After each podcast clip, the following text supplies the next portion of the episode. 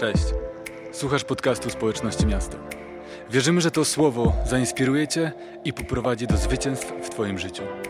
Jeśli chcesz dowiedzieć się więcej, przyjdź na nasze coniedzielne spotkania albo sprawdź nasze media społecznościowe. Widzimy się na mieście.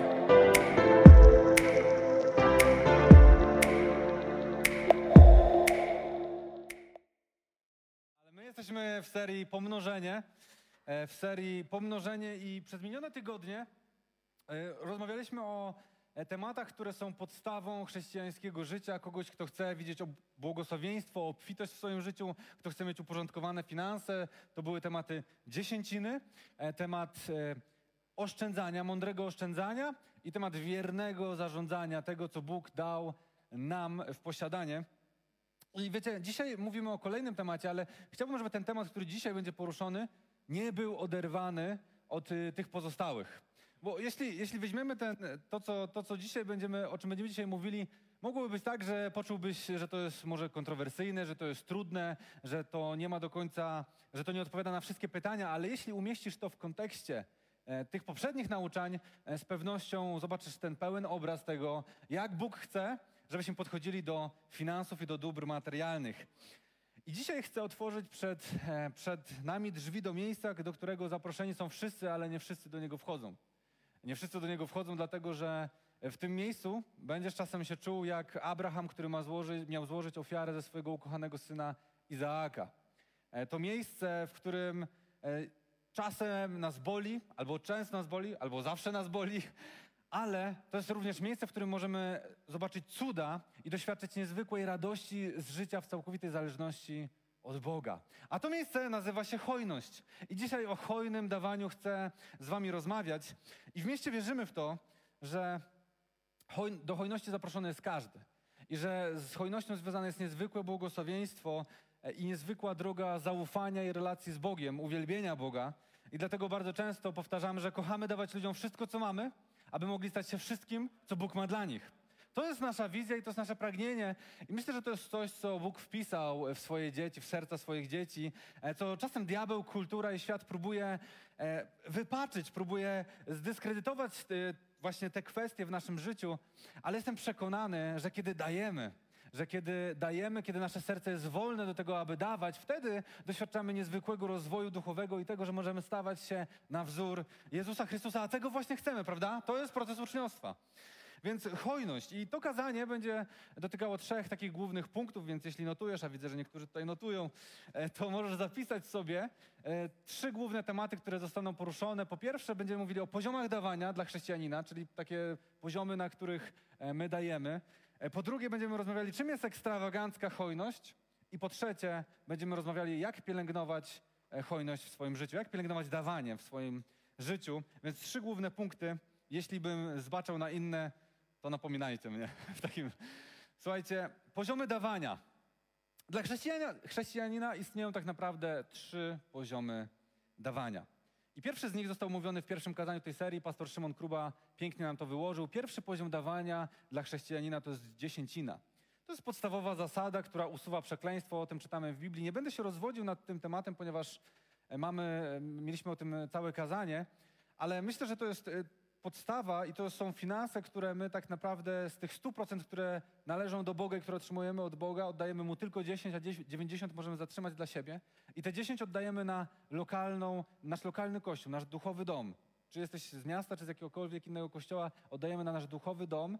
E, I wiecie, wynika to z tego, to, o czym czytamy w Starym Testamencie, jak wyglądała ta procedura w Starym Testamencie, ale również dlatego, e, i to wynika z tego, o czym mówiliśmy tydzień temu o zarządzaniu. Dlatego, że zarządcy mają być odpowiedzialni. I indywidualizm współczesny mówi nam, ty jesteś odpowiedzialny i, i my przekładamy pewne myślenie na to, że tylko za to, co jest moje. Więc jestem odpowiedzialny za moje finanse, za mój majątek i nim mam dobrze zarządzać, ale jesteś odpowiedzialny również za to, co jest nasze wspólne, a więc twój lokalny kościół. To jest dobro wspólne nas wszystkich, dlatego oddajemy dziesięcinę do lokalnego kościoła. Jeśli jesteś tym tematem zainteresowany e, szerzej, to od, odsyłam cię do kazania pierwszego z tej serii e, dotyczącego dziesięciny.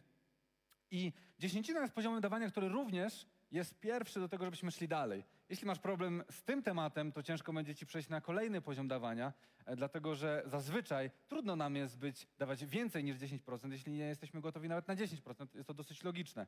Więc dziesięcina prowadzi nas dalej i drugim poziomem dawania są ofiary. dary, ofiary, jakkolwiek to nazwiemy. I czytamy w Malachiasza 3:8 takie słowa. Czy człowiek może okraść Boga? Bo wy mnie okradacie. Jednak pytacie, w czym cię okradamy? W dziesięcinach i darach.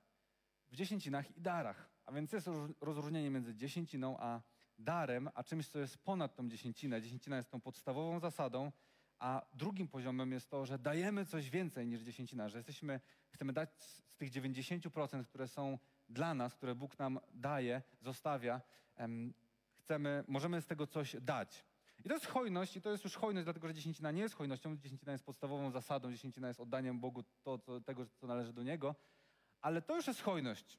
Jakieś dary, które dajemy z tego, co mamy. I sam Jezus powiedział, że większą radością jest dawać niż brać. Większą radością jest dawać niż e, brać i to jest nie tylko sposób na to, żeby, żeby po prostu zdobywać przyjaciół niegodziwą mamoną, jak czytamy w innym miejscu. To nie jest tylko sposób na to, żeby oddać chwałę Bogu, ale to jest sposób, który też uwalnia nasze serca.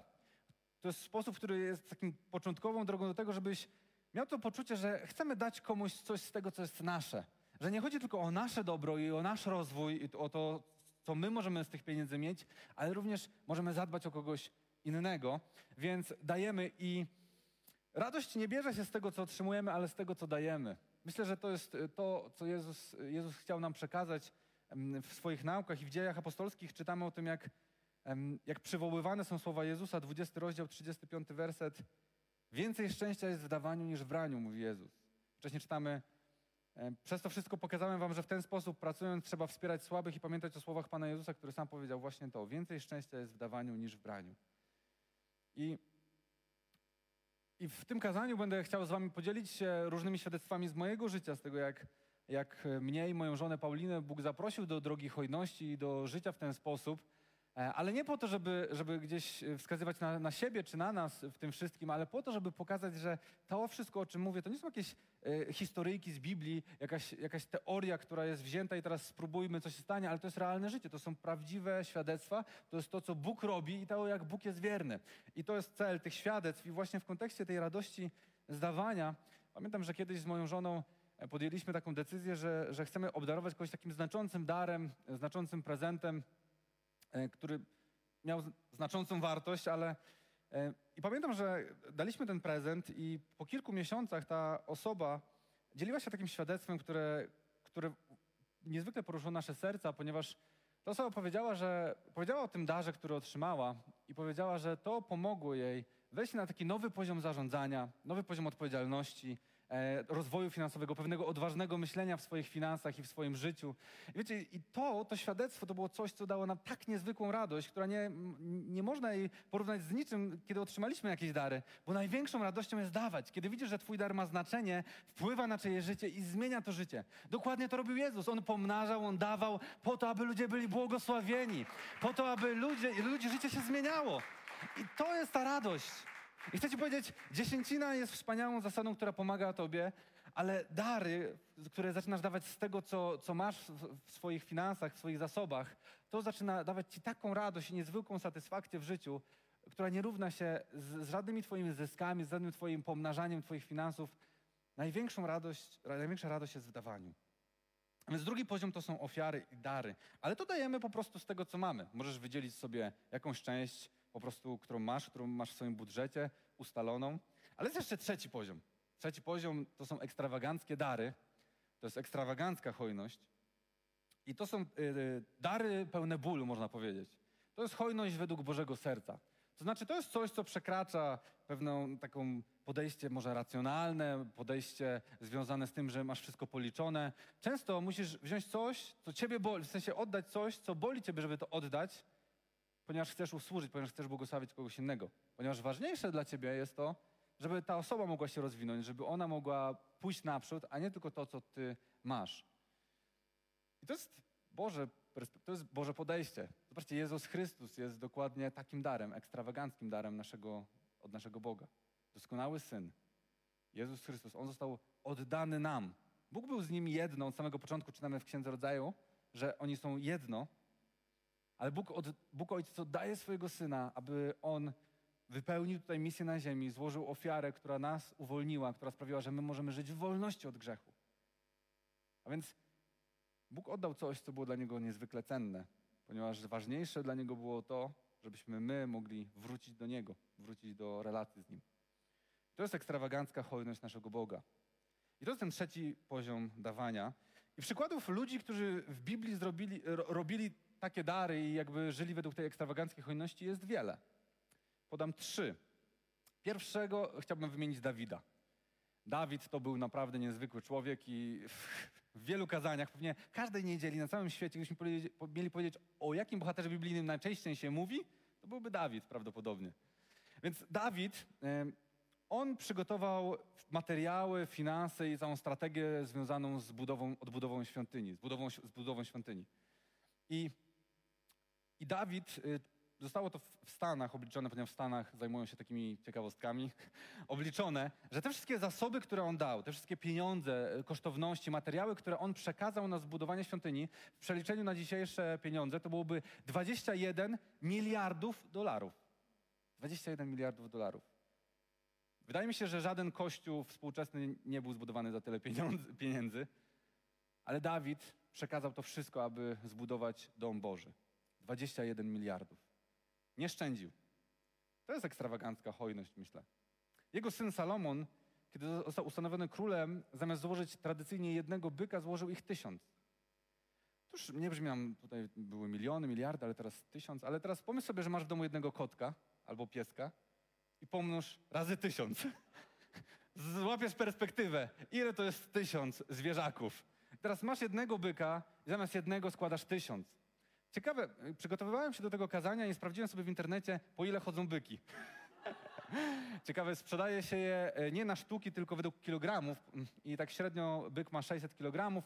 Policzyłem sobie, że chyba wyszłoby około 4 milionów złotych. A więc Salomon złożył ofiarę wartą 4 miliony złotych. To jest ekstrawagancka hojność. Może mógł złożyć po prostu jednego byka i też byłoby ok. To byłaby ofiara, to byłoby to, co miał zrobić i Bóg na pewno nie miałby mu nic za złe ale on złożył tysiąc. Więc mamy teraz Dawida, Salomona, miliardy, miliony, ale trzecią postacią, którą chciałbym wam przytoczyć, jest wdowa z Ewangelii Łukasza. Ponieważ ona, dokładnie tak jak Dawid i Salomon, wykazała się ekstrawagancką hojnością.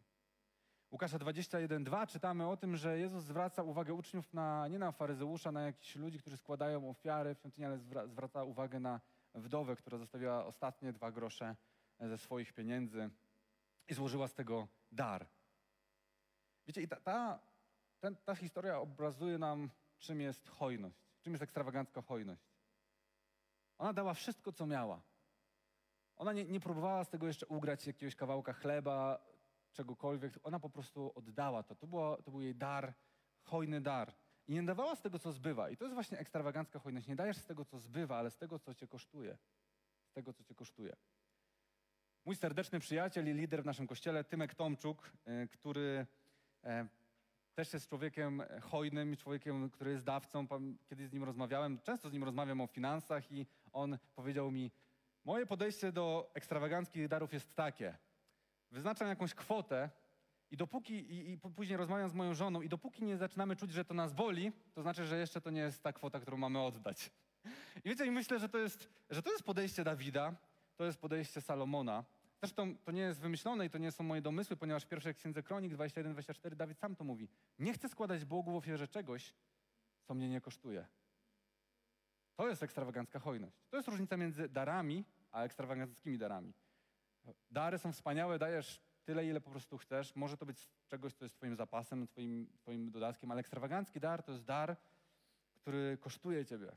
To jest dar, w którym mówisz, chcę odebrać sobie swój komfort, żeby służyć komuś innemu. Czyli dokładnie to, co zrobił Bóg, to, co zrobił Jezus, idąc na krzyż. On nie musiał iść na krzyż przez swoje grzechy, przez swoje jakieś e, zawinienie, ale poszedł tam za nasze grzechy. To jest ekstrawagancki dar. To znaczy, ponoszę za ciebie, za każdego z nas winę i ponoszę, ponoszę karę za każdego z nas. I zobaczcie, Jezusa nie zafascynowało w tej kobiecie kwota, jaką oddaje. Bo my bardzo często mówimy ekstrawagancka hojność, czyli muszę dać teraz po prostu 10 tysięcy złotych i wtedy to będzie ekstrawagancka hojność. Wcale nie.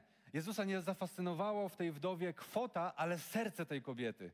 Serce. Ona dała wszystko to, co miała. I to jest bardzo ważne. Bóg nigdy nie walczył o Twoje pieniądze, ale walczy o Twoje serce. Bóg nigdy nie walczył o to, żeby wziąć Twoje pieniądze, ale żeby wziąć Twoje serce. On nie chce Twojego portfela, chce Twojego serca. Twój Bóg chce Twojego serca. I myślę, że musimy mieć tego świadomość, ponieważ boimy się często mówić w kościele o, o finansach, bo mamy takie poczucie, że może to będzie jakaś manipulacja, może będziemy po prostu nie widzimy na pokornych, na skromnych. Ale Jezus bardzo dużo mówił o finansach i już w tej serii przypominaliśmy o tym wiele razy i podawaliśmy różne liczby, które miały nam to uświadomić. I, i chcę wam powiedzieć, że, że kiedy mówimy o finansach, mówimy przede wszystkim po to, żebyśmy nasze serce uwalniało się od tego, co cały czas świat, kultura, te lęki, różne kryzysy gospodarcze, pandemia, to wszystko wzbudza w nas serce, które jest zamknięte, skupione na tym, żeby trzymać, a nie na tym, żeby dawać. I niestety wielu wierzących nie wchodzi nawet na pierwszy poziom dawania. Pierwszy poziom dawania, który jest dziesięciną, nie mówiąc już o błogosławieństwach, radości i przywilejach związanych z tymi kolejnymi, z darami, z ekstrawaganckimi darami. Niestety pozbawiają się w ten sposób tej radości, pozbawiają się doświadczenia życia w zależności i w takim poczuciu, że Bóg mnie zaopatruje.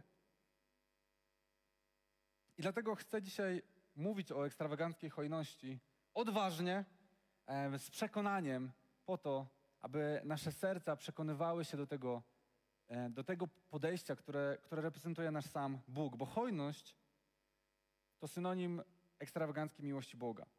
Dajemy, ponieważ chcemy czynić dobro, ponieważ chcemy błogosławić innych ludzi, ponieważ, ponieważ ważne jest dla nas nie tylko nasze dobro, ale dobro innych ludzi. To się wydaje takie oczywiste. To się wydaje takie oczywiste, że liczy się dobro też innych ludzi, ale czy nasze finanse, czy nasza praktyka, nasze podejście, nasze życie wyraża dokładnie to? Czy, czy wyraża to, że dla nas równie ważne jest to, co dzieje się w życiu innych, jak to, co dzieje się w życiu naszym? I ekstrawagancka hojność, kiedy dajemy z tego, co nas boli, z tego, co nas kosztuje, z tego, co, co jest dla nas wyzwaniem jakimś, to jest postawa, która porusza serce naszego Boga. Marka 14, 3-10, przeczytajmy historię Piękną historię, która musi gorszyć nasz, nasze, nasze myśli, nasze umysły i, i tak naprawdę kwestionuje e, bardzo często te wszystkie argumenty, które mamy na to, dlaczego nie dawać hojnie. Zobaczcie, Marka 14, 3-10 czytamy taką historię. Gdy przebywał w Betanii, w domu Szymona zwanego Trędowatym i spoczywał przy stole, przyszła pewna kobieta z alabastrowym flakonikiem bardzo kosztownego, czystego olejku nardowego. Odłamała główkę flakonika i całą zawartość wylała na głowę Jezusa.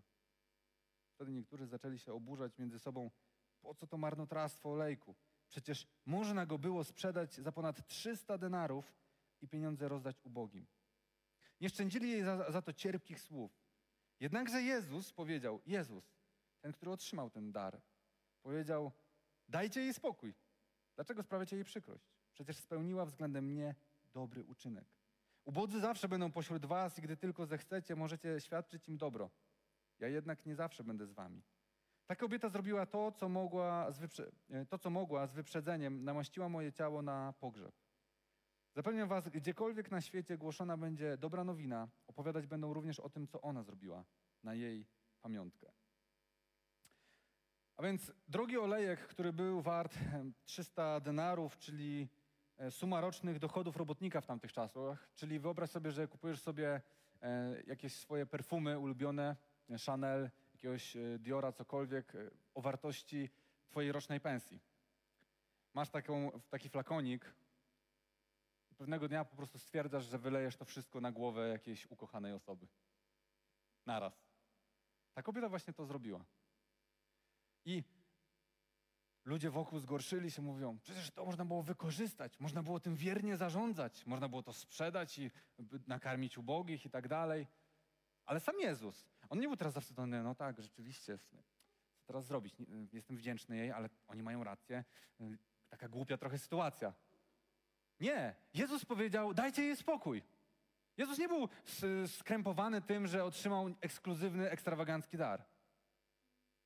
I on mówi, ubogich będziecie mieli pośród siebie zawsze. I Jezus przypomina nam bardzo ważną rzecz. Hojność nie równa się jałmużnie. Jałmużna i hojność to są dwie różne rzeczy. Jałmużna jest nasz, jesteśmy wezwani do jałmużny, czyli do wspierania ubogich, potrzebujących, a więc dawania po to, żeby niwelować tę niesprawiedliwość na świecie, która jest wynikiem grzechu.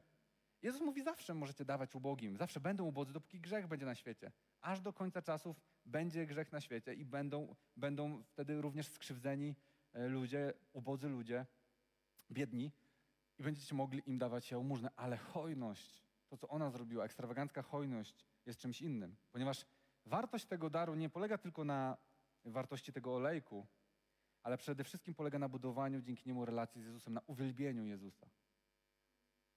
I Jezus był świadomy, ile ta kobieta w niego zainwestowała. I chcę Wam powiedzieć, że nasza ekstrawagancka hojność, ona buduje relacje nie tylko z ludźmi, których obdarowujemy, ale z Bogiem. Ponieważ Bóg widzi nasze serce i widzi to serce jest wolne do tego, aby być, aby dawać. To serce jest takie jak moje serce. Boga nic nie cieszy jak to, kiedy nasze serce staje się według serca, według Jego serca. On chce, żebyśmy byli według Jego serca. Więc kiedy dajesz ekstrawagancko, kiedy dajesz z, z takim bólem albo, albo po prostu dajesz e, z czegoś, co cię boli, z czegoś, co cię kosztuje, budujesz nie tylko relację z człowiekiem, którego obdarowujesz, ale budujesz relację z Twoim Bogiem, uwielbiasz Go tym. Uwielbiasz Go tym. Ponieważ nasze serce jest gotowe, by inwestować w ludzi, by inwestować w Boże Królestwo i ci krytycy nie widzieli, nie widzieli w hojności tej kobiety budowania relacji z mistrzem i docenienia Jego obecności czy uwielbienia Go. Wiecie, to jest bardzo często problem, że kiedy nasze ręce są zajęte tym, żeby mieć, nie są wolne do tego, by uwielbiać. Wiecie, posiadanie nie może dać nam spełnienia. Ale jeśli jesteś gotów, by mieć ręce wolne, by dawać, aby mieć ręce wolne, aby uwielbiać Boga, to budujesz relację z Twoim Ojcem, z Twoim Stwórcą, która jest jedyną relacją, która może dać Ci prawdziwe spełnienie. To jest relacja, w którą warto inwestować. To jest relacja, dla której warto jest poświęcać się. To jest relacja, w którą warto dać coś, co Ciebie kosztuje. Bo ta relacja da Ci spełnienie. Uwielbienie Boga może dać Ci spełnienie. Posiadanie nigdy nie da Ci ostatecznego spełnienia. I pytanie podstawowe wszystkich melancholików, biznesmenów, czy ten akt był opłacalny? Czy hojność jest ekonomicznie uzasadniona? Otóż na pierwszy rzut oka nie jest. I wcale nie o to chodzi, aby była. Ale paradoksem w tym wszystkim jest to, że nasza inwestycja w relację z Bogiem może zmienić życie nasze i otaczający nas świat dużo bardziej niż najlepsza inwestycja biznesowa, obliczona, przemyślana i tak dalej. I ci maruderzy wokół Jezusa i tej kobiety, oni nie mieli o tym pojęcia. Oni w ogóle nie mieli tej perspektywy. Co się może stać, kiedy uwielbimy Jezusa, kiedy docenimy Jego obecność właśnie dzisiaj, właśnie kiedy On jest w naszym gronie. Ale ta kobieta miała tę perspektywę. I wiecie, w ekstrawaganckiej hojności nigdy nie chodzi o to, żebyśmy dawali, żeby coś zyskać.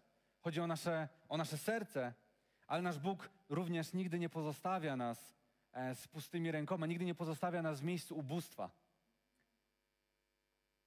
A więc nasza hojność jest przede wszystkim skierowana na to, aby nasze serce było według Bożego serca. Nasza hojność właśnie do tego zmierza. Chcemy być według Bożego serca, chcemy uwielbić Boga i błogosławić ludzi, być błogosławieństwem dla ludzi. Ale z naszą hojnością zawsze związane są nieuniknione nagrody. Nieuniknione nagrody. Bo Bóg nie chce Twojego portfela, ale chce Twojego serca. Bóg nie chce zabrać Ci po prostu wszystkich pieniędzy z kieszeni, wyrzuć wszystko, daj innym ludziom i Ty po prostu żyj w nędzy i ubóstwie. Bóg nie chce Twojego portfela, chce Twojego serca i kiedy Twoje serce jest przy Nim, z tym zawsze związane są nieuniknione błogosławieństwa. I, i wiecie, to jest doświadczenie moje i mojej żony, bo, bo zawsze, kiedy jesteśmy nastawieni na to, żeby błogosławić, żeby siać, żeby hojnie dawać, Bóg nigdy nie pozostawia nas w miejscu, w którym mielibyśmy e, cierpieć ubóstwo, w którym musielibyśmy żyć w jakiejś frustracji.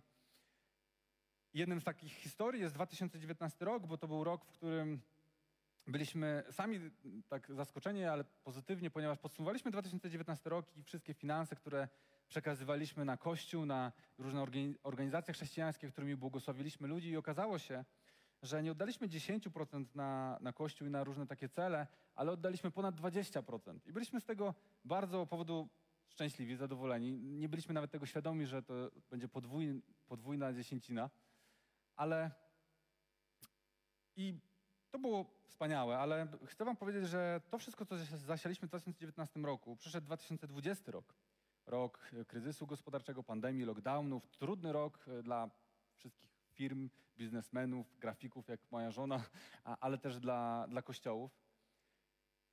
Ale podsumowaliśmy 2020 rok i okazało się, że w 2020 roku wszystkie darowizny i błogosławieństwa, które spłynęły do nas od ludzi z różnych źródeł, były dokładnie dwukrotnością wszystkiego tego, co daliśmy w 2019 roku. Bóg zawsze błogosławi i zawsze jest bardziej hojny niż ty. Gdybyśmy oddali 40%, come on. Bóg zawsze błogosławi bardziej, ale to nie jest też tak, że to jest takie fajnie, bo dzisiaj dobrze to brzmi, oddaliśmy 20%, y, później otrzymaliśmy dwukrotność tego w 2020 roku i w roku, kiedy był kryzys, my mogliśmy żyć w obfitości. Ale chcę wam powiedzieć, że to zawsze wiąże się ze zmaganiem, ponieważ pod koniec 2019 roku była nie, jak co roku niedziela błogosławieństw w naszym kościele. I to był rok, w którym, jak już mówiłem, dużo sialiśmy, więc e, okazało się, że pod koniec 2019 roku zostało nam oszczędności 1500 zł. I przyszła niedziela błogosławieństw i na kilka tygodni przed nią e, rozmawiałem z Bogiem i powiedziałem, Panie Boże, sporo sialiśmy w tym roku, sporo mieliśmy wydatków, zostało nam 1500 zł, więc na tę niedzielę błogosławieństw oddam, oddamy z Pauliną 200-300 zł, a proszę Cię, pobudź serca innych, żeby zrobili tę niedzielę błogosławieństw. Więc byłem zadowolony, podjąłem e, taką mądrą decyzję, e, zatroszczę się o moją rodzinę. Ale wiecie, im bliżej było tego, e, tej niedzieli błogosławieństw, Duch Święty cały czas tak do mnie przychodził, mówił Alek, jesteś powołany do hojności, więc z jakiegoś powodu frustracji, jakiegoś lęku, jakiegoś takiego poczucia, że już wystarczy, nie rezygnuj z tego daru, nie rezygnuj z twojego powołania. Byłeś wezwany do tego, żeby być hojnym, Bóg nigdy cię nie zawiódł, więc dalej żyj według Bożego serca, według serca, hojnego serca. Wiecie, w pewnym momencie to były tak frustrujące dialogi, że zacząłem tworzyć teorię, że to nie jest głos Ducha Świętego, tylko diabła. Mówię, to jest chyba diabelski głos, bo on chce po prostu pozbawić mnie moich ostatnich oszczędności i chce sprawić, że po prostu zostanę z niczym i dojdziemy do zapaści finansowej w naszej rodzinie. Więc postanowiłem, że sprawdzę to, czy to jest głos Ducha Świętego, czy głos diabła. I zrobiłem coś takiego. Powiedziałem do mojej żony Poli, Rozmawialiśmy już o tej kwocie, którą chcemy przekazać, ale właśnie nie, coś czuję, że jest nie tak. Nie wiem, czy to diabeł nie próbujemy przekonać, więc może zróbmy tak. Ja zapiszę na karteczce kwotę, którą e, chciałbym, żebyśmy oddali i ty zapisz na karteczce kwotę, którą chciała, chciałabyś, żebyśmy oddali. I później otworzymy naraz te karteczki i po prostu będziemy wiedzieli, y, czy to jest... Y, nie, nie, właśnie jeszcze powiedziałem i jeśli to będzie ta sama kwota, wtedy to znaczy, że musimy dać tę kwotę. Ale jeśli to będzie jakaś inna, będziemy się różnili w tym, no to znaczy, że mamy oddać to, co mówiliśmy, 200-300 zł i, i zamknięty temat. Ja cwanie napisałem 1500, całe nasze oszczędności. Mówię, nie napiszę tyle, więc na pewno, więc na pewno wszystko się uda. Nie będzie trzeba tego dawać. Więc zapisałem, zadowolony z mojego sprytu, e, zapisałem, moja żona też, otwieram 1500 złotych. Więc, więc e, chciałem oszukać Ducha Świętego, ale go się nie da oszukać, więc oddaliśmy 1500 złotych. Słuchajcie, bo to nie koniec tej historii. Oddaliśmy 1500 zł, całe nasze oszczędności w, pod koniec 2019 roku, w koniec listopada. I nic nie wydarzyło się. Oczywiście była wspaniała niedziela błogosławieństw u nas w kościele. I później mówiłem wam przed chwilą świadectwo o tym, że Bóg dwukrotnie oddał nam wszystko, e, co zasialiśmy w 2019, w 2020. I rozpoczął to dokładnie w Sylwestra 2019-2020, ponieważ rano tego dnia przyszedł do nas listonosz, E, z, od, z listem od dewelopera, który e, zapowiadał nam, że wyśle do nas list, w którym będą wyliczenia ostateczne wielkości naszego mieszkania i mówił, że zazwyczaj jest jakaś mała dopłata. Znaczy, że trzeba coś dopłacić do tego mieszkania, no bo nie da się dopiero jak są ostatecznie ten budynek zbudowany, to można to wszystko wymierzyć. No i ja wtedy odbieram ten list, mówię, no świetnie, teraz jeszcze muszę coś dopłacić do tego mieszkania. Ale otwieram ten list i po raz pierwszy od długiego czasu w historii tego dewelopera okazało się, że w tym roku nie są, trzeba dopłacać, ale są zwroty. I to było 3000 zł, czyli dokładnie podwójna kwota tego, co oddaliśmy. Bóg zaczął od razu w Sylwestra oddawać podwójnie wszystko to, co zasialiśmy w 2019 roku. Bóg jest zawsze wierny i nigdy nie będziesz bardziej hojny niż Twój Bóg. Bóg jest zawsze wierny i kiedy skupiasz się na tym, żeby twoje serce było we właściwym miejscu i żeby twoje dawanie wynikało z serca, wtedy zawsze związane są z tym nieuniknione nagrody. Nie oddawaj po to, żeby zyskać, nie oddawaj po to, żeby mieć jeszcze więcej, żeby Bóg to pomnażał, oddawaj po to, żeby błogosławić, oddawaj po to, żeby uwielbić Boga, a nagrodami zajmie się Bóg. Zostaw to Jemu. Zawsze będziesz zadowolony. Słuchajcie, więc dawanie to nie jest tylko decyzja. Dawanie to nie jest tylko gest czy owoc miłości do Boga, do ludzi, czy do jakiegoś miejsca, w którym żyjemy. E, bo często tak myślimy, że to jest jakieś wyzwanie. Musimy się teraz nauczyć hojności. To jest takie wyzwanie, które musimy teraz po prostu postawić sobie poprzeczkę i doskoczyć do tej poprzeczki. Albo że to jest jakaś decyzja i podejmiesz decyzję i jest. Albo właśnie, że jak masz wystarczającą miłość do kogoś, to jesteś gotów mu dawać więcej. I pewnie wszystkie te rzeczy są w jakiś sposób związane z tym, ale przede wszystkim hojność i dawanie to jest dar. To jest dar, o którym możesz się modlić, który możesz pielęgnować i rozwijać w swoim życiu. Hojność to jest dar. Dar dawania. To jest dar dawania nie tylko według jakiejś mojej teorii, ale biblijnie. Biblijnie czytamy o tym, że jest taki dar jak dar dawania. To jest fascynujące, że w Kościele zapomnieliśmy o tym, że jest jeden z darów, który Biblia wymienia, jest dar dawania. Jest on wymieniony w liście do Rzymian e, i mówi się często na e, dary, które są wymienione właśnie w tym liście jako dary motywacyjne, bo mówią o tym, co motywuje posiadacza tego daru. A więc ktoś ma ten dar i on, nazwa tego daru wynika z tego, co motywuje tę osobę do tego, żeby nim posługiwać. I przeczytajmy Rzymian 12, 6 do 8. Dzięki łaskawości Boga otrzymaliśmy też różne dary do korzystania zgodnie z ich przeznaczeniem. Jeśli ktoś ma dar proroctwa, niech go wykorzystuje zgodnie z wiarą. Jeśli ktoś ma dar służby, niech pomaga innym. Jeśli ktoś ma dar nauczania, niech uczy. Jeśli ktoś ma dar zachęcania, niech będzie dla innych zachętą. Jeśli ktoś ma dar dawania, niech daje bezinteresownie. Jeśli ktoś ma dar przewodzenia innym, niech sprawuje władzę z gorliwością. Jeśli zaś ktoś ma dar miłości, niech okazuje ją z radością. I zobaczcie, myślę, że wiele osób, y, które już od jakiegoś czasu żyją w kościele, to mają takie poczucie, że o darze prorokowania to nie jedno seminarium było, o darze nauczania nie jedno seminarium, o, o darze przywództwa nie jedno seminarium. Ale ile jest seminariów i nauczeń o darze dawania? Jeśli nie jesteś długo w kościele i nie masz tych schematów i tych ramek, to bardzo dobrze, nigdy w nie nie wpadaj. Dlatego, że dar dawania jest tutaj wymieniony obok tych, które przed chwilą wymieniłem. Więc dlaczego mamy rozwijać dar prorokowania, dar nauczania, dar przewodzenia, dar, dar służenia, a nie rozwijać daru dawania? Dar dawania jest równoprawnym, równoprawnym darem, który jest wymieniony w Biblii. I mnie zawsze cieszy nauczanie o, o hojnym dawaniu, inspirowanym działaniem Ducha Świętego, dlatego że wiem, jak bardzo to zmienia ludzi. Wiecie, to nie zmienia tylko tych, którzy są obdarowywani, ale przede wszystkim to zmienia tych, którzy zaczynają dawać. Tych, którzy zaczynają dawać. I dlatego nie obawiam się mówić o darze dawania, Dlatego, że mam przekonanie, że mówienie w kościele o dawaniu nie ma pomóc kościołom, ale ma pomóc ludziom. Nie ma pomóc kościołom, ale ma pomóc ludziom i, i chciałbym, żebyśmy w ten sposób patrzyli na to. I jeśli zaczniemy myśleć o tym, jak to zmienia nasze serce, to przestaniemy mieć te wszystkie jakieś poczucia, jakieś lęki, jakiś e, lęk przed manipulacją, przed czymkolwiek, dlatego że to ma pomóc naszemu sercu. To jest dar, który jest wymieniony w Biblii, w liście do Rzymian przez apostoła Pawła, wspaniałego apostoła, nauczyciela słowa, jako dar, który możemy rozwijać dokładnie tak jak inne. I chciałbym dzisiaj powiedzieć do każdego z nas o tym, jak możesz rozpoznawać i rozwijać w sobie ten dar. To jest ostatni punkt naszego kazania i chcę podzielić się kilkoma rzeczami, które mogą pomóc Ci w tym, żebyś rozwinął w sobie dar dawania, ponieważ nie chodzi o to, żebyś traktował to jako wyzwanie, do którego kiedyś dorosnę, ale po prostu jako dar, który możesz się modlić i który możesz rozwijać, ok? Myślę, że też kiedy powiem o tych cechach, tak naprawdę to pomoże nam właściwie zrozumieć hojność. Zrozumiemy tę perspektywę z Marka 14 rozdziału, tej różnicy między hojnością ekstrawagancką a, a jałmużną. Zrozumiemy różnicę między dziesięciną a dawaniem, dlaczego, e, na czym to polega. Więc postarajmy się skupić e, i patrzeć i pozwolić, żeby Duch Święty konfrontował to e, z nami, z naszymi postawami, z naszym sercem, z naszymi pragnieniami, ok? Dobrze, więc po pierwsze chciałbym powiedzieć tak, jeśli chcesz rozwijać sobie dar dawania, módl się o wizję i sprecyzowane cele, które poruszają twoje serce. Ponieważ dawca chce, żeby jego dary miały znaczenie i wywierały wpływ, dokładnie tak jak Bóg. Bóg nie chce dawać pieniędzy, dóbr i zasobów błogosławieństw, aby one były przepalone, przejedzone, zmarnowane. Czasem tak się dzieje przez naszą niedoskonałość, naszą słabość, ale Bóg zasadniczo chce, żebyśmy to pomnażali, żebyśmy to rozwijali.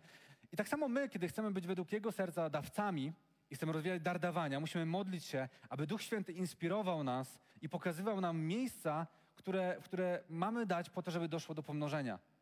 Aby zaspokoić pewną potrzebę i pomóc w rozwoju jakiegoś miejsca. Niech Duch Święty wskazuje Ci, gdzie, kiedy i ile siać. Niech to nie będzie takie dawanie, wyciągam z portfela i daję, jak często robimy właśnie, kiedy gdzieś jest jakaś puszka, gdzieś coś się dzieje i po prostu wrzucamy. To oczywiście też jako jałmużna możemy traktować, ale jeśli chcemy ekstrawagancko dawać, chcemy tej hojności i chcemy robić to według Bożego serca, to po pierwsze módlmy się o wizję i sprecyzowane cele, które poruszają nasze serce. Po drugie, siej mądrze. Siej w stabilne miejsca, a nie tonące okręty. Wiecie, jeśli ktoś prosi, bo inaczej upadniemy. Wiecie, nie wyobrażam sobie, żebym ja jako pastor prosił kogokolwiek o pieniądze, mówiąc dajcie pieniądze, bo upadniemy, bo po prostu Kościół jest na skraju bankructwa. Tak naprawdę ciężko ufać, że pieniądze dane komuś takiemu, kto mówi upadniemy, nie przeżyje kolejnego miesiąca, że te pieniądze będą dobrze zarządzone. Ciężko ufać, że te pieniądze to jest mądra inwestycja. To może być jałmużna, to może być jakieś doraźne wsparcie, ale to nie jest hojność ekstrawagancka i to nie jest dawanie, inwestowanie w Boże Królestwo. Więc inwestuj tam, gdzie ktoś zamiast wizji tragicznego końca mówi o tym, co zrobi, co może zrobić, jaką ma wizję tego, co chce zrobić. I nie mówię tylko o jakichś organizacjach, kościołach, ale mówię też nawet o ludziach. Nie chodzi, nasza hojność nie ma polegać na tym, że mamy ratować wszystkich, którym życie się sypie i którzy nie potrafią ogarnąć swoich finansów, ale chodzi o to, żeby wspomóc tych, którzy mają jakąś wizję, którzy chcą osiągnąć jakiś cel, którzy, którym możemy dać lepszy start do tego, żeby on rozwinął to i pomnożył w swoim życiu. To jest hojność i to jest dar dawania. Bo wiecie, w pieniądzu jest wymierność i łatwo można sprawdzić, sprawdzić jaki jest sens inwestycji, sprawdzając, jakie to miejsce przynosi owoc. Bardzo łatwo ocenić, jaki jest efekt posiadania pieniędzy. A pamiętajmy, że wierne zarządzanie jest priorytetem dla Boga. To jest y, cała przypowieść o talentach, tydzień temu o tym mówiliśmy. To jest priorytet. Dla Boga ważniejsze od tego, jaki był efekt końcowy, że ty masz, teraz ten ma 10 talentów, a ten ma 4, było to, że oni obaj pomnożyli. Że oni wiernie zarządzali. To jest dla Boga ważniejsze. Więc siej mądrze e, i nie dawaj tam, gdzie jest najgorzej, ale tam, gdzie jest wizja, tam, gdzie jest pasja, tam, gdzie są cele. Po trzecie, rozeznawaj prawdziwe potrzeby, dlatego że jeśli masz dar dawania i, i chcesz dawać, to bardzo często spotykasz, spotkasz się z, manipul z manipulacjami, z duchem ubóstwa, z duchem mamony, e, które stoją za prośbami, które stoją za e, posiadaniem pieniędzy. I bardzo często jest tak, że, że prośby i, i, i oczekiwania ludzi względem finansów są kierowane właśnie tym duchem ubóstwa, jakąś manipulacją. Dlatego módl się, abyś potrafił spojrzeć w duchowy sposób na dane miejsce, osoby i rozpoznać, jak naprawdę możesz jej pomóc. Bo pieniądze nie zawsze są odpowiedzią i jeżeli masz dar dawania, to nie zawsze chodzi o to, żebyś wyłożył pieniądze i komuś dał te pieniądze, ale czasem chodzi o to, żebyś spojrzał w duchowy sposób i pomógł komuś takiemu. Ja z moją żoną nie jesteśmy ludźmi, którzy od razu wyciągają portfel i, i, kładą pieniądze, dlatego że wiemy, że jak to bezsensowne jest, jak to może karmić ducha ubóstwa, ducha mamony, e, jak to może wspierać i, i uczyć kogoś takiego manipulowania w tym, Dlatego bardzo często, zanim inwestujemy i siejemy jakieś pieniądze, rozmawiamy w duchowy sposób, doradzamy, e, staramy się poznać tę osobę. Pieniądze nie są naszym pierwszym narzędziem pomocy. I dar dawania nie jest darem wyciągania pieniędzy z portfela, ale darem duchowym. Więc zawsze patrz w duchowy sposób na to, komu dajesz, gdzie dajesz, jak dajesz. Więc kolejna rzecz to było rozeznawaj prawdziwe potrzeby. No i kolejna rzecz też bardzo ważna, nie kontroluj. Jeśli spotykasz kogoś, kto daje, i domaga się kontroli, to możesz być pewien, że nie korzysta z duchowego daru. Dlatego, że e, dawca rozznaje duchowo, patrzy w sposób duchowy i kiedy daje, nie musi kontrolować. Bo wie, gdzie dał i wie, gdzie, gdzie, gdzie zasiał. Jeśli ktoś przychodzi i daje pieniądze, a potem mówi, że chce, żebyś tak się zachowywał, żebyś to robił, żebyś wydał to na to czy na tamto, to tak naprawdę nie korzysta z duchowego daru, tylko po prostu chce manipulować swoimi pieniędzmi. I, I tak jak mówiłem, że w pieniądzu jest wymierność, w pieniądzu jest również pokusa. Ponieważ pieniądz daje ci przewagę i możliwości i zawsze stawia, stawia przed tobą pytanie, jak wykorzystasz tę przewagę i możliwości. Jak będziemy z tej przewagi korzystać? Dawcy nie próbują onieśmielić swoimi pieniędzmi, zawstydzić kogoś swoją pozycją. Chcą być traktowani na równi z innymi. Jeżeli masz pieniądze, z których chcesz dawać, bo masz dar dawania, to nie próbuj nigdy tymi pieniędzmi kontrolować. I moje doświadczenie jest takie, że, że Nieraz y, spotykaliśmy się z takimi sytuacjami, w których, e, w których mm, ktoś przychodził i dawał duże pieniądze dla kościoła, ale później okazywało się, że miał pewne oczekiwania związane z tym. Miał pewne oczekiwania, chciałby, żeby tak, żebym tak nauczał, żebyśmy takie rzeczy robili w kościele, żebyśmy na tym się bardziej skupili. Ale to nie jest dar dawania, tylko to jest manipulowanie i wpływanie pieniędzmi na Kościół czy na mnie. I my z pastorami, kiedy zakładaliśmy ten, tę społeczność, powiedzieliśmy sobie bardzo ważną rzecz, słysząc różne historie, różne doświadczenia, mając, że w tej społeczności zawsze to Duch Święty będzie wskazywał wizję, a nie pieniądze ludzi, którzy, którzy kładą na, kładą na ten Kościół. Bóg jest naszym zaopatrzycielem, a nie ludzie. Dlatego nigdy, amen, amen. Dlatego nigdy nie pozwól, żeby ktoś, kto daje tobie pieniądze, kontrolował i manipulował tobą, ale również nigdy nie próbuj swoimi pieniędzmi wywierać wpływu i kontrolować e, tego, co dzieje się w kościele, czy w życiu kogoś, kogo obdarowujesz, bo to na pewno wtedy nie jest dar duchowy. Dawca wie, gdzie daje i nie musi kontrolować. Kolejna rzecz, bądź wiernym zarządcą. I to jest y, bardzo ważna rzecz, ponieważ żaden e, dawca nie jest człowiekiem, który nie potrafi zarządzać swoimi pieniędzmi. A więc, tak jak mówiłem, to nie jest tak, że mamy ostatnie pieniądze i teraz my damy je po to, żeby teraz było nam lepiej, ale pytanie jest, dlaczego mamy ostatnie pieniądze? Co z tymi pieniędzmi, jakby jaka jest nasza wizja na zarabianie tych pieniędzy, na pomnażanie tych pieniędzy, a nie tylko oddawanie z naszego jakiegoś braku, z naszej resztki po to, żeby mieć teraz lepiej. To nie jest, to nie jest hojność, to nie jest ekstrawaganckie dawanie, to jest manipulacja Bogiem i próbowanie wymuszenia czegoś na Nim. Więc zarządzamy dobrze swoimi pieniędzmi. Ludzie hojni to ludzie, którzy dbają o swoje finanse i nie wydają bezmyślnie pieniędzy. Nie wydajemy bezmyślnie pieniędzy. I słuchajcie, e, pastor Dzieciątko mówił e, o tym oszczędzaniu i mówił saver, spender. oszczędzacz i wydawacz. Tak? Można by to przetłumaczyć. I na naszej grupie domowej była taka dyskusja, ponieważ u nas wyszło, że było takie poczucie, że ci, którzy są em, e, saverami, mają większy problem z dawaniem niż spenderzy. Ale to nie jest prawda. Dlatego, że zarówno saver i spender, kiedy nie ma przepracowanego tego w swoim życiu, to jest spenderem lub saverem z egoizmu. Saver, ponieważ ma lęk przed tym, żeby oddać, że będzie miał za mało. A spender, ponieważ cały czas chce mieć więcej konsumpcji i więcej rzeczy dla siebie. Więc hojność nie jest związana z tym, czy jesteś saverem, czy spenderem. Hojność jest związana z Twoim duchowym wzrostem i zarówno będąc saverem i spenderem możesz być hojny albo nie być hojny, bo to zależy od tego, jak rozwijasz się duchowo i jak współpracujesz z Duchem Świętym. Więc zarządzaj dobrze swoimi finansami i nie próbuj mówić, ja jestem saverem, to ja nie daję, albo ja jestem spenderem, to rozrzucam wszystko. To jest zupełnie osobny temat. Więc dobrze zarządzaj, bądź wiernym zarządcą. Kolejna rzecz, szukaj docenienia, nierozpoznawalności. Osoby z, daware, z, da, z dawarem. Świetnie. Osoby z dawarem, to jest dobry skrót. Osoby z darem dawania nie dają, żeby zaimponować, podbudować swoje ego, ale po to, żeby zaspokajać potrzeby, na które wskazuje Duch Święty.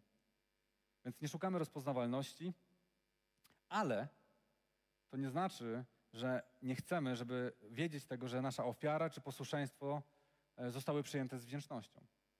Wiecie, i to jest, to jest coś, z czym się spotkasz. Każdy, każdy dar ma swoje wyzwania i tak jak w darze proroctwa musisz się przełamać w tym, żeby po prostu się odważyć, powiedzieć, że, że odebrałeś coś od Boga. Tak samo w darze dawania będziesz miał swoje próby związane właśnie z tym, że będziesz dawał, to cię będzie kosztowało, i spotkasz się z niewdzięcznością. Spotkasz się z brakiem zrozumienia, z brakiem wrażliwości, z jakąś manipulacją. I, i ja z moją żoną doświadczyliśmy tego, że, że dawaliśmy dary, które nas kosztowały, które były dla nas ważne, które rozdawaliśmy i przeżywaliśmy cały proces tej modlitwy i na koniec stawaliśmy przed kimś i obdarowywaliśmy go i spotykaliśmy się okej. Okay. Albo spotykaliśmy się z jakimś takim e, świadectwem tego, że ktoś wciąż narzekał i tak na to, albo ktoś wciąż był niezadowolony, ktoś wciąż, e, wciąż żył w tym samym miejscu takiego ducha ubóstwa. Więc spotkasz się z tym. Jeśli będziesz dawcą, zawsze się z tym spotkasz, ale nie możesz pozwolić, żeby to cię zraniło i to cię zniechęciło do dawania, ale musisz wejść w miejsce, w którym powiesz, Boże, chcę jeszcze lepiej rozeznawać. Chcę jeszcze lepiej skupiać się na, na tym, e, żeby dobrze wiedzieć, gdzie daję, kiedy daję, jak daję. Ponieważ to jest wyzwanie, to jest próba dla każdego dawcy.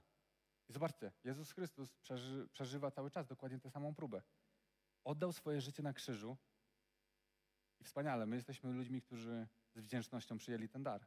Ale ilu jest ludzi, którzy zgardzili tym darem, którzy cały czas nie przyjmują tego daru? I tak tego doświadcza każdy dawca. Więc mm, nie szukaj rozpoznawalności, ale możesz szukać docenienia i za każdym razem, kiedy doświadczysz tego zranienia związanego z niewdzięcznością, brakiem wrażliwości czy jakąś manipulacją, Nie, nie, nie łam się, ale staraj się jeszcze lepiej rozeznawać. I kolejna rzecz, masz więcej talentów niż pieniądze. Nie pozwól, żeby dar dawania był twoim jedynym dar, darem, darem.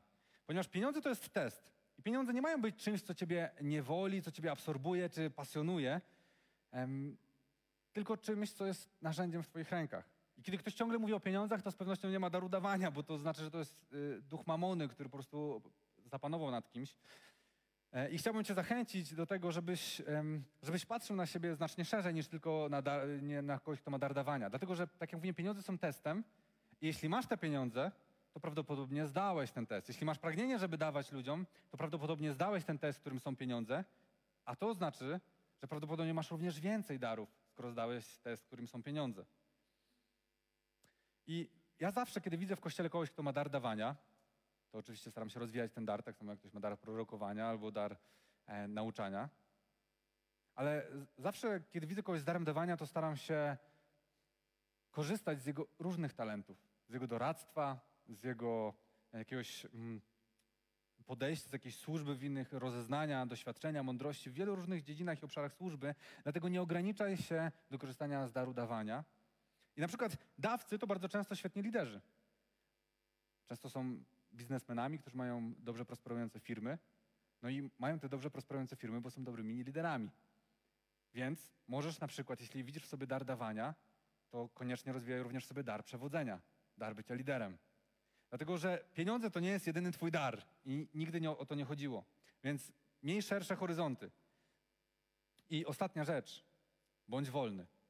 I co to znaczy? Ponieważ my bardzo często, jeśli chodzi o pieniądze, mówimy bądź wolny, to znaczy miej wolność w tym, e, żebyś nie był związany posiadaniem. I to jest jedna strona medalu, ale jest jeszcze druga strona medalu. Nie miej, nie miej fałszywej pokory. Nie udawaj biedniejszego niż jesteś. Bo niestety w kościele bardzo często udajemy biedniejszych niż jesteśmy. I to jest w ogóle jakaś tragiczna pomyłka.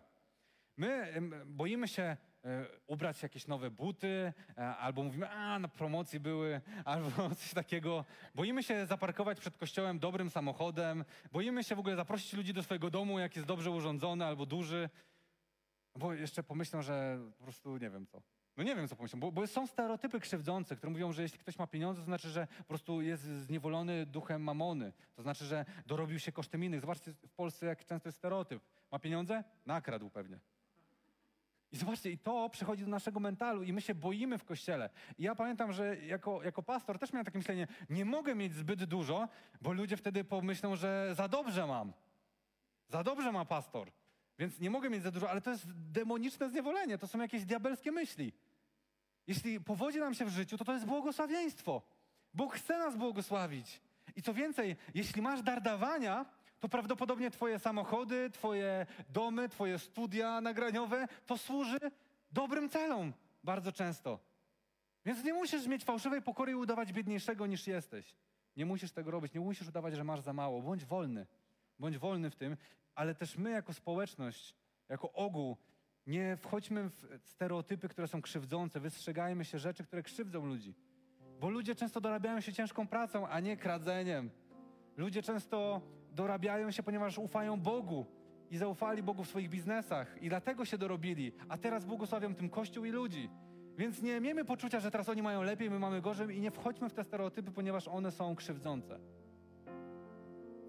I może rozpoznajesz te cechy w swoim życiu, może rozpoznajesz niektóre, a niektóre są dla ciebie odkrywcze. Chciałbym cię zachęcić, studiuj ten temat. Może są niektóre rzeczy, które musisz jeszcze trochę skorygować, żeby dobrze korzystać z daru dawania w swoim życiu. Rozwijaj ten dar i módl się o to, żeby Bóg rozwi rozwijał go w tobie. Bo kiedy zaczynamy siać w Boże Królestwo, kiedy zaczynamy żyć według Bożej hojności, zaczynamy doświadczać niezwykłej bliskości z Bogiem, niezwykłego zaufania względem Niego, ale doświadczamy, jak On ufa nam i powierza nam coraz większe rzeczy. Coraz większe odpowiedzialności. Jeśli kiedyś byłeś, tak jak mówiłem, skrzywdzony, zraniony w kościele przez kogoś, komu dałeś, w kogo siałeś, e, rozczarowałeś się tym, to nie pozwól, żeby to zatrzymało cię, ale po prostu poproś Boga, aby On na nowo rozpalił w tobie ten dar, dał tobie więcej mądrości, dlatego że nie jesteś powołany do tego, aby być zbiornikiem, ale rzeką, przez którą przepływa Boże błogosławieństwo. I o to chcę się dzisiaj modlić, Kościele, żebyśmy byli jak ta rzeka, przez którą przepływa Boża łaska i Boża dobroć i błogosławieństwo. Bo mamy być jak największy z dawców, a więc nasz Bóg. I czytamy w Jana 3,16 Bóg tak umiłował świat, że dał swego Syna, aby każdy, kto w Niego wierzy, nie zginął, ale miał życie wieczne. Bóg dał. W tym wyraziła się Jego miłość. On jest dawcą. To jest dar dawania. I wierzę, że każdy z nas jest powołany do tego, aby dawać, aby nie troszczyć się tylko o siebie, ale troszczyć się również o to, co jest dobrym w życiu innych. Bądź jak największy z dawców, którym jest nasz Bóg. W imieniu Jezusa Chrystusa. Amen.